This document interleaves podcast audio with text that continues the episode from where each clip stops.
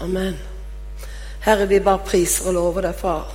Jeg takker deg, Jesus. Du vet at jeg er avhengig av deg, Herre. Så nå ber jeg Jesus om nåde, Jesus. Jeg ber at du vil hjelpe meg, sånn at jeg kan gi det du har lagt ned i mitt hjerte. Hjelp at det er noen som får en hilsen fra deg i kveld. Stadfest ditt eget ord. I Jesu navn. Amen. Jeg har vært spent å komme til dere, men eh, jeg tror jo det at eh, vi stiller ganske likt, alle sammen. eh, jeg kjenner bare det at Gud har gitt meg en tjeneste til å være med og vitne om Jesus. Jeg skal fortelle litt fra mitt eget liv. Jeg har en sterk historie bak meg. Jeg har fått hjelp av Jesus. Jeg har litt lyst til å fortelle hva jeg står i nå. Jeg har reist som fast evangelist for Evangeliesenteret i en del år. Men jeg har også arbeidet i Evangeliesenteret i, i mange år. Jeg har vært Jeg får si jeg har vært nykter, for jeg har vært narkoman i 30 år. Men jeg fikk et nytt liv i 1986, og siden har jeg stått uten noe tilbakefall. Og det er all ære til Jesus, for det er ingen selvfølge når du har levd på gata siden du var lite barn. Jeg har to barn som er døde i overdose. Mannen min døde i overdose inne i Kristiansands kretsfengsel. Men nå står jeg i en tjeneste for Herren. Samtidig så jobber jeg også på gata. Jeg reiser ikke bare rundt og forkynner Guds ord. Jeg jobber 30% for Evangeliesenteret, men så reiser jeg litt på privat grunnlag for, for menigheten, som jeg gjør i dag. Eh, jeg arbeider med noe som heter Evangeliesenterets kontaktkafé. Den ligger inne i Oslo. Så nå begynner vi å få flere som kontaktsenter. Men spesielt den som er i Oslo, der kjenner jeg Gud har gitt meg et kall. Før jeg visste om noen kontaktsenter vi har hatt oppe i et år, så hadde en sterk åpenbarelse med Jesus. Jeg hadde lagt meg om kvelden. Vi skulle ha møte nede i Arendal i sammen med David Filtvedt, er pastor i Evangeliesenteret.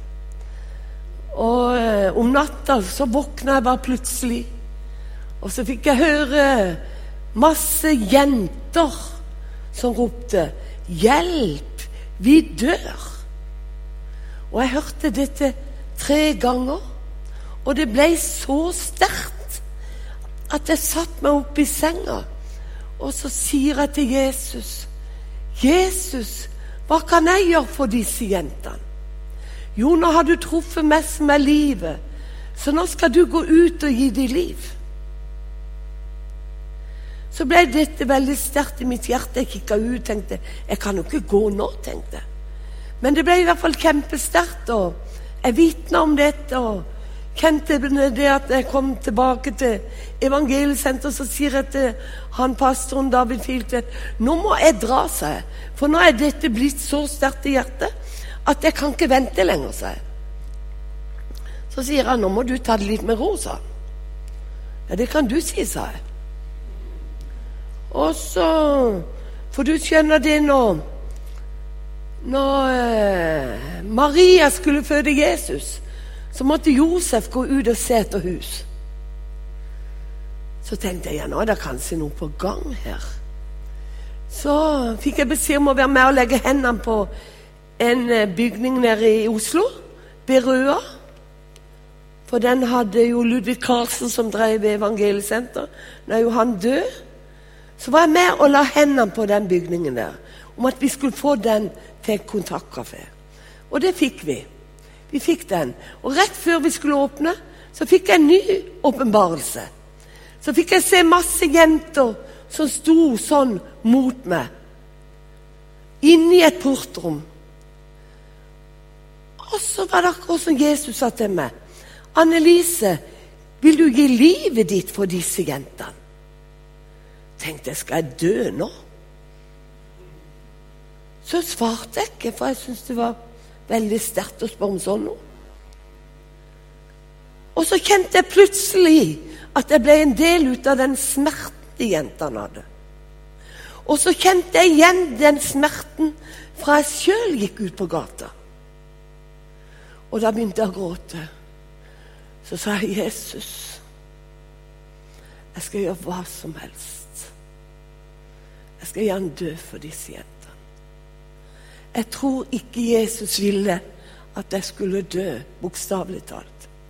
Men jeg tror han ville at jeg skulle dø fra meg selv. For det at eh, vi vil så veldig mye. I hvert fall så vil jeg veldig mye. Vil jeg det, og så vil jeg det. og Istedenfor å spørre hva vil du, Jesus, jeg skal gjøre. Så det kjenner jeg er en prosess enda. Vi har holdt på der inne i Oslo i et år. Vi har fått hjulpet veldig, veldig, veldig mange. Vi har fått mange inn på evangeliesenteret. Mange har fått hjelp. Men jeg har ikke fått lov til å gå opp der de jentene går. Fordi jentene går oppe på et strøk for å prostituere seg. Så fordi vi har hatt så lite hjelp. Men så sier jeg det til han som er bestyrer, at nå kommer jeg til å gå, seg. For hvis det ikke går, så kommer det heller ikke hjelp, seg. Så nå går jeg bare. Så når jeg kommer tilbake fra denne turen her, så skal jeg inn til Oslo, og så skal jeg være med og rive mennesker ut fra helvete. Jeg har just kommet fra Bergen. Jeg har vært med opp i noe som heter Nygårdsparken der. Der var det flere hundre narkomaner. Det var akkurat Jeg kan ikke tenke meg noe verre. At det var helvetes forgård. Der var det skyting med våpen, og folk slo hverandre ned med svære stenger. Små barn i ni-tiårsalderen lå med sprøyter oppi halsen. Men vi fikk hjulpet mange. Men samtidig så kjenner jeg Jesus, kan jeg få lov til å hjelpe noen av disse? Og som er mitt eget vitnesbyrd, så vil jeg lese litt fra Johannes fjerde kapittel om kvinnen ved Sykersbrønn. Nå håper jeg dette, både vitnesbyrden mitt og talen min, kan være til en advarsel til dere. Også at det kan være inspirasjon hvis dere har venner som dere kjenner, som trenger hjelp.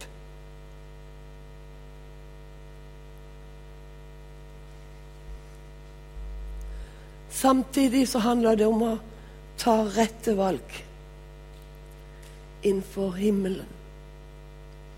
Jeg var bare et lite barn da jeg gikk ut på gata.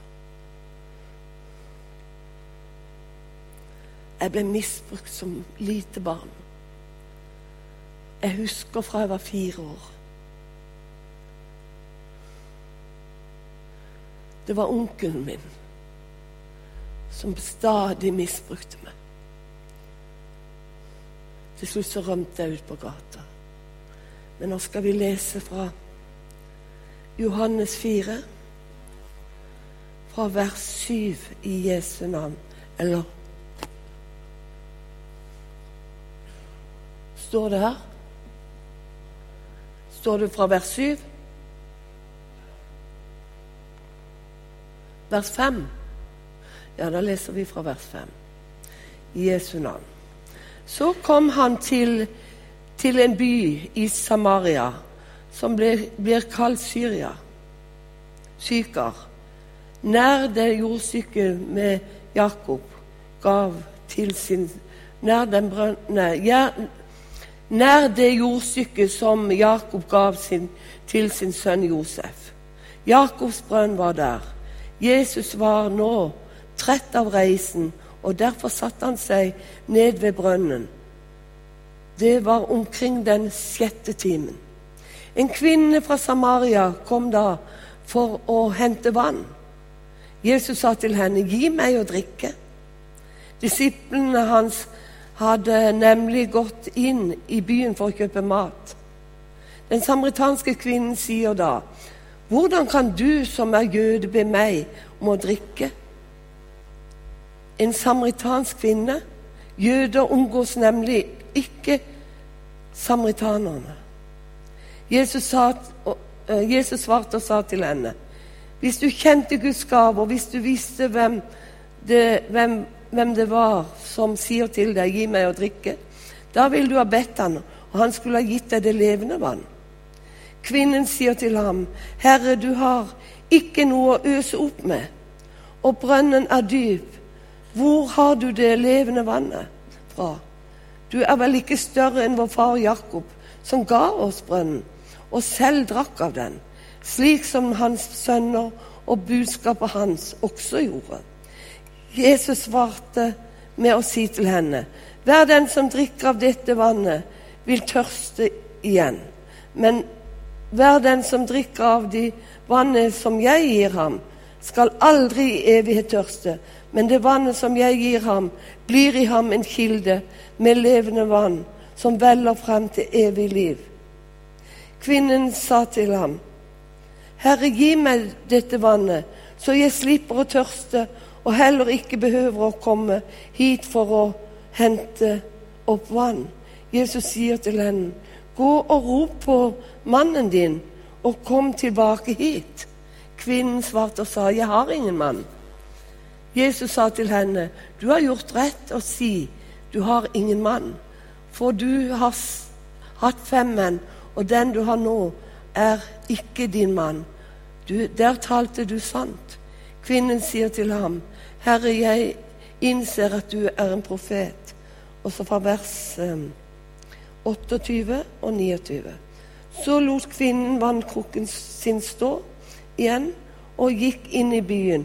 Hun sier til folket, Kom og se et menneske som har fortalt meg alt jeg har gjort. Kvinne, kunne han være Jesus Kristus? Kunne han være Kristus? Amen. Når jeg leser denne beretningen om kvinnen ved Sykersbrønn, så må jeg si det at jeg føler meg egentlig litt grann som denne kvinnen. For jeg har også vært en av de som har søkt kjærlighet i, i menn. For det at eh, egentlig fra jeg var lite barn, så ønska jeg å bli sett, og så ønsker jeg å, å oppleve kjærlighet i mitt liv. Jeg ble alltid avvist. Jeg ble alltid satt til sides. Den eneste som tok rundt meg, det var onkelen min når han misbrukte meg. Men jeg tror også denne kvinnen her, denne her kvinnen ved Sykersbrønn, jeg tror at hun hadde mye forkastelse i sitt liv. Og jeg tror at det er mange mennesker i dag som har forkastelse i sitt liv. Du trenger ikke vært noen narkoman eller misbruker av noe slag for å oppleve forkastelse i sitt liv. Når du opplever å ha forkastelse i sitt liv, så vil du alltid forkaste igjen. Jeg for min del jeg hadde dyp forkastelse i mitt liv. Så jeg var på noe som heter Arken borte i Sverige, og ble satt fri fra forkastelse. For du skjønner, når du er forkasta, så får du en, en feil måte å være på. Du får en gal væremåte. Og du lurer på hva er det for noe som er galt med meg?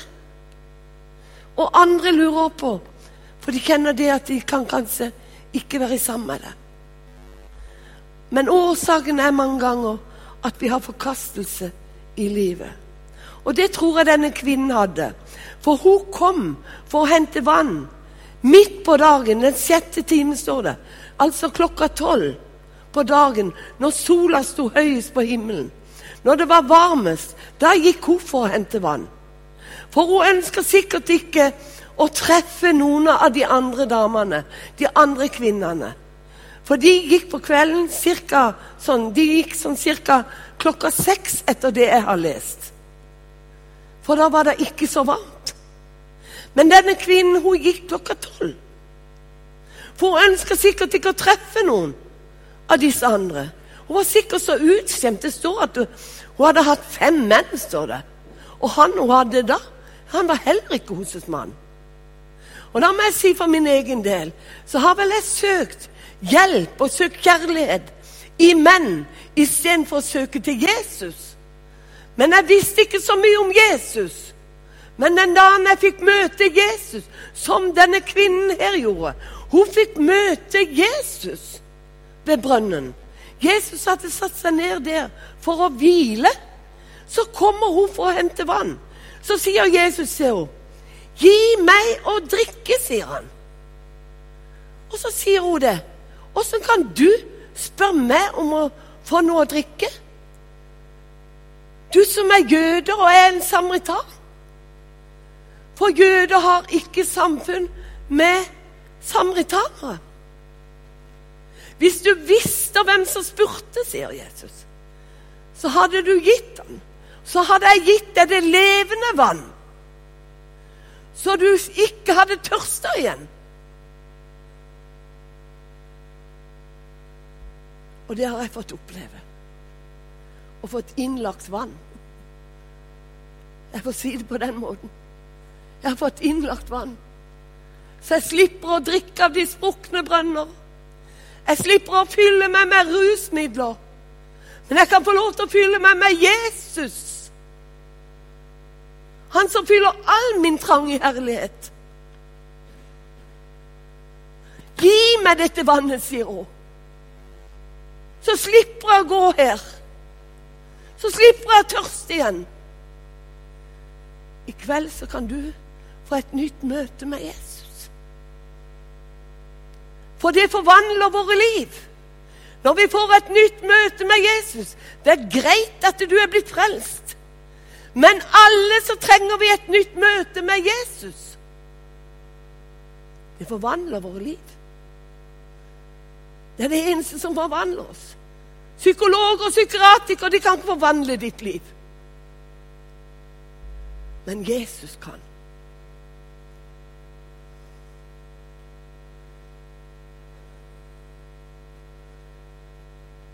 Det står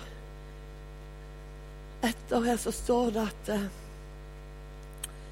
kvinnen løp inn i byen, og så sa hun for, for, for, Først så sier hun sier Jesus til henne Gå og hent din mann, sier han.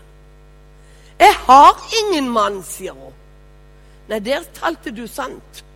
Nå snakker du sant, sier Jesus. For han du har nå, han er heller ikke din mann. Det var sikkert en samboer, tror jeg. jeg vet ikke, men jeg, jeg pleier å si det sånn. I hvert fall så tror jeg det For i dag, i dag, denne dag i dag så er det så mye av det. Så når folk har vært gift i ti år, så må du lure på om de er med samme mannen. For i dag er det gift og skilt og gift og skilt. Men i hvert fall så kan du få et nytt møte med Jesus. Jeg har litt lyst til å si litt om mitt liv. Fortelle litt om hva Jesus har gjort for meg. For du skjønner, han er under. Han er den som elsker å skape noe ut av ingenting. Og ikke nok med det, hadde aldri stått her i dag hvis ikke hadde fått tilgivelse. Du har blitt tilgitt. Det står at vi har alle synder og fattes Guds ære. Men jeg kjenner det. Når jeg kunne få tilgivelse, så kan hvem som helst. Jeg begynte å gå ut på gata siden jeg var bitte lite barn. Jeg fiksa ikke å være hjemme. Når denne herre store mannen kom og skulle misbruke meg Til slutt så var jeg gråt den natta da. Ja, men hadde du ikke foreldrene, Lise? Jo, jeg hadde det. Og jeg har spurt meg sjøl åssen gikk dette til? Men jeg ble i hvert fall trua til å ikke fortelle til noen. Så når jeg var liten da, og opplevde alt dette her Jeg bodde veldig dårlig til. bodde sammen med masse mennesker som rusa seg og, og brukte kniver, og det var helt forferdelig der hjemme. Men samtidig så løp jeg ut på gata, og da ble jeg fangen av rusen. Den tiden jeg var liten, så var det ikke noe narkotika, men det var alkohol og tabletter. Og jeg brukte det jeg kunne få fatt i. Til slutt så kunne jeg ikke få fatt i det gratis. Så det endte med at jeg reiste inn til Oslo og levde i prostitusjon og nederlag. Det var veldig tøft. Det var mange forferdelige opplevelser der inne i Oslo. Jeg husker jeg lå på gat, jeg lå inne i sånn nedrivingsgårder. Så hadde jeg langt hår. Og så husker jeg at det var så kaldt at håret mitt og, og det, det frøs fast til gulvet om, om vinteren. Jeg kjente bare det. Åssen går det an, har jeg tenkt, og overlevd. Men jeg tror at mamma ble frelst. Så jeg tror at mamma ba til Jesus for meg.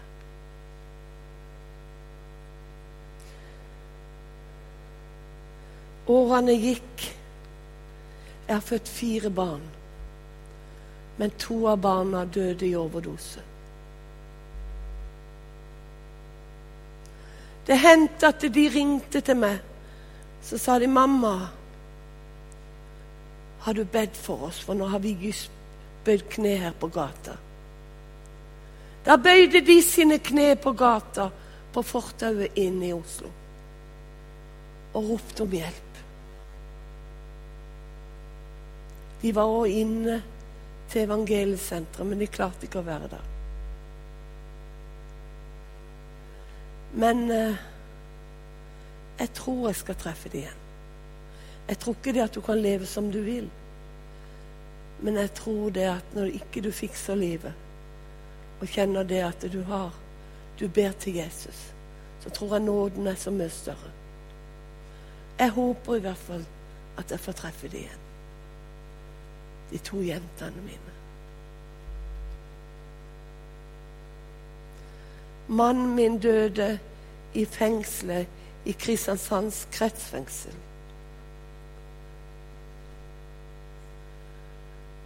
Da gjennomgikk jeg mye. Da gjennomgikk jeg et rent helvete. Jeg har òg sittet inne.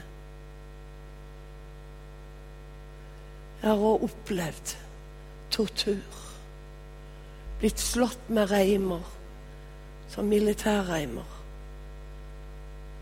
så jeg ikke kunne gå, som jeg arr etter den dag i dag. Mange ganger når jeg sitter, så kjenner jeg lengselen etter jentene mine. Ja, men Kjenner du ikke på fordømmelsene, Lise? Jo men har bedt Gud om tilgivelse. Og jeg kjenner at det er tilgitt. Jeg kjenner at Jesus har tilgitt meg.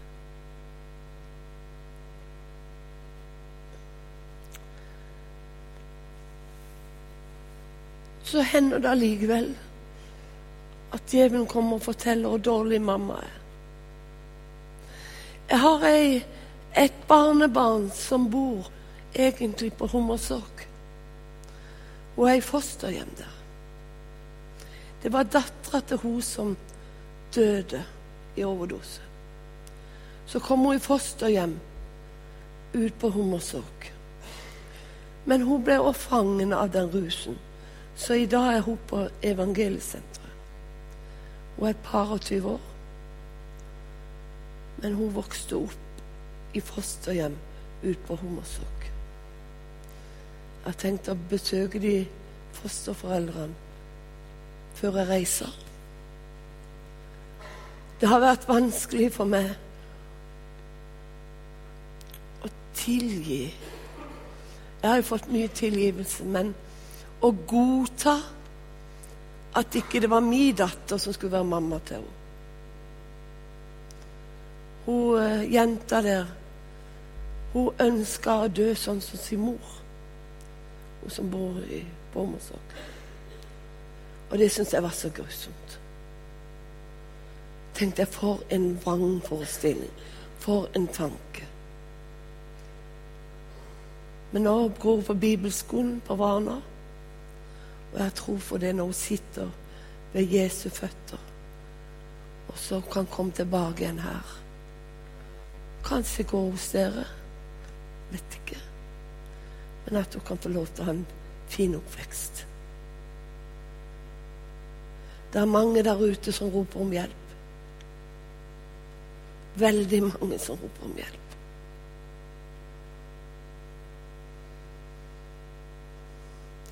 Det trenger ikke være sånn med de du kjenner, at det er så brutalt som mitt liv har vært. Det er å sitte inne i noen år. Men jeg bare kjenner at jeg har blitt tilgitt. Og så ikke minst har jeg tilgitt meg sjøl.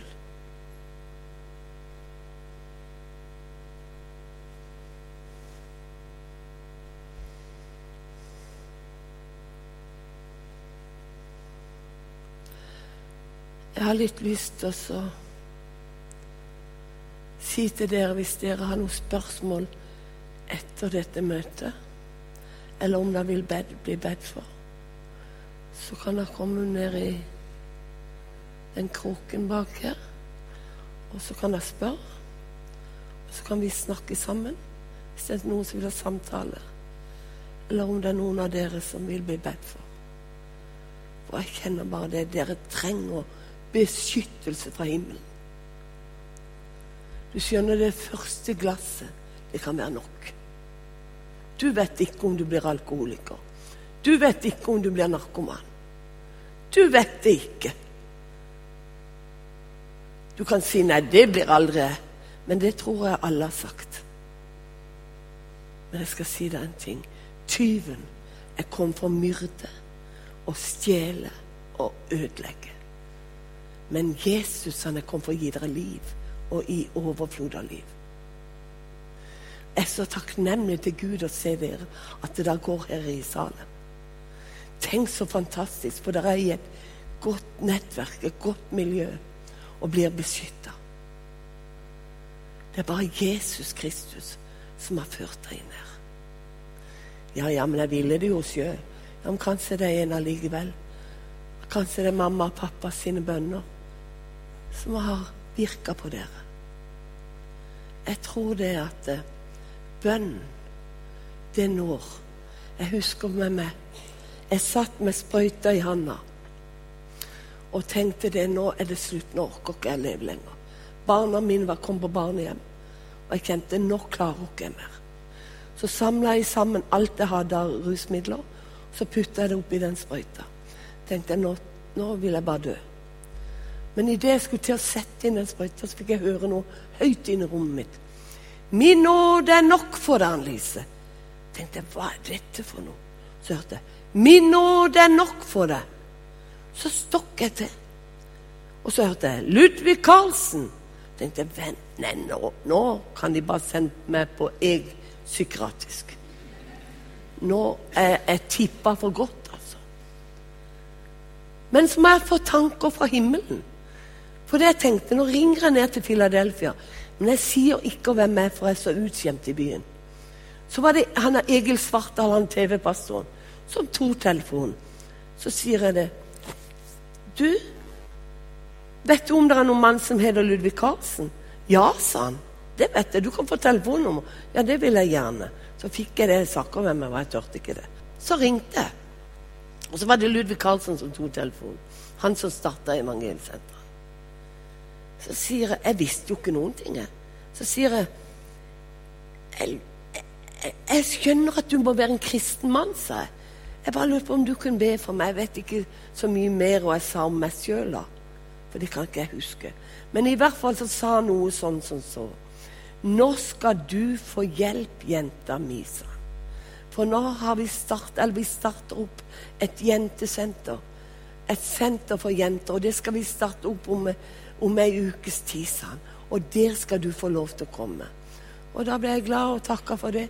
Men jeg var jo like hekta på den der eh, heroinen for det, om han sa det. Så jeg gikk ut og rusa meg fortsatte. Men så fikk eh, min mor og de telefon at eh, hvis ikke Ann-Lise kommer nå, så gir vi vekk den plassen hun skal på evangelsenter. Så, så var mamma og pappa blitt frelst begge to. Så begynte de å be for meg. Og da nådde de bønnene meg der jeg satt. Sånn plutselig så reiste jeg meg opp der jeg var i den der kåken jeg var. Så sa jeg nå skal jeg på heter evangeliesenter. Nå må jeg gå, sa jeg. Jeg visste ikke hva det var for noe, jeg bare visste at jeg skulle vekk på en plass. Og de trodde jo jeg var blitt helt sånn tullete. Men så kom jeg hjem, og jeg var så syk på veien. De kjørte meg helt opp i Finnskogen, langt opp med, forbi Kongsvinger, fem mil inn i skogen. Så sa min far når han kom hjem, hun blir der aldri for det var jo et øde sted langt inn i skogen. Men skal jeg fortelle en ting? Jeg ble der i to år. Etter de to årene, når jeg hadde fått eh, lekt min indre sår Jeg hadde fått tilgivelse for all min synd. Gud hadde begynt å lege mitt indre menneske og reise meg opp. Så søkte jeg meg til bibelskolen i Oslo. Så gikk jeg ett år på Philadelphia bibelskole inne i Oslo. Og etter det så begynte jeg å jobbe litt i evangelsenter. Og nå har jeg vært der siden. Nå har jeg vært nykter i 27 år. Uten tilbakefall. Er ikke det bra?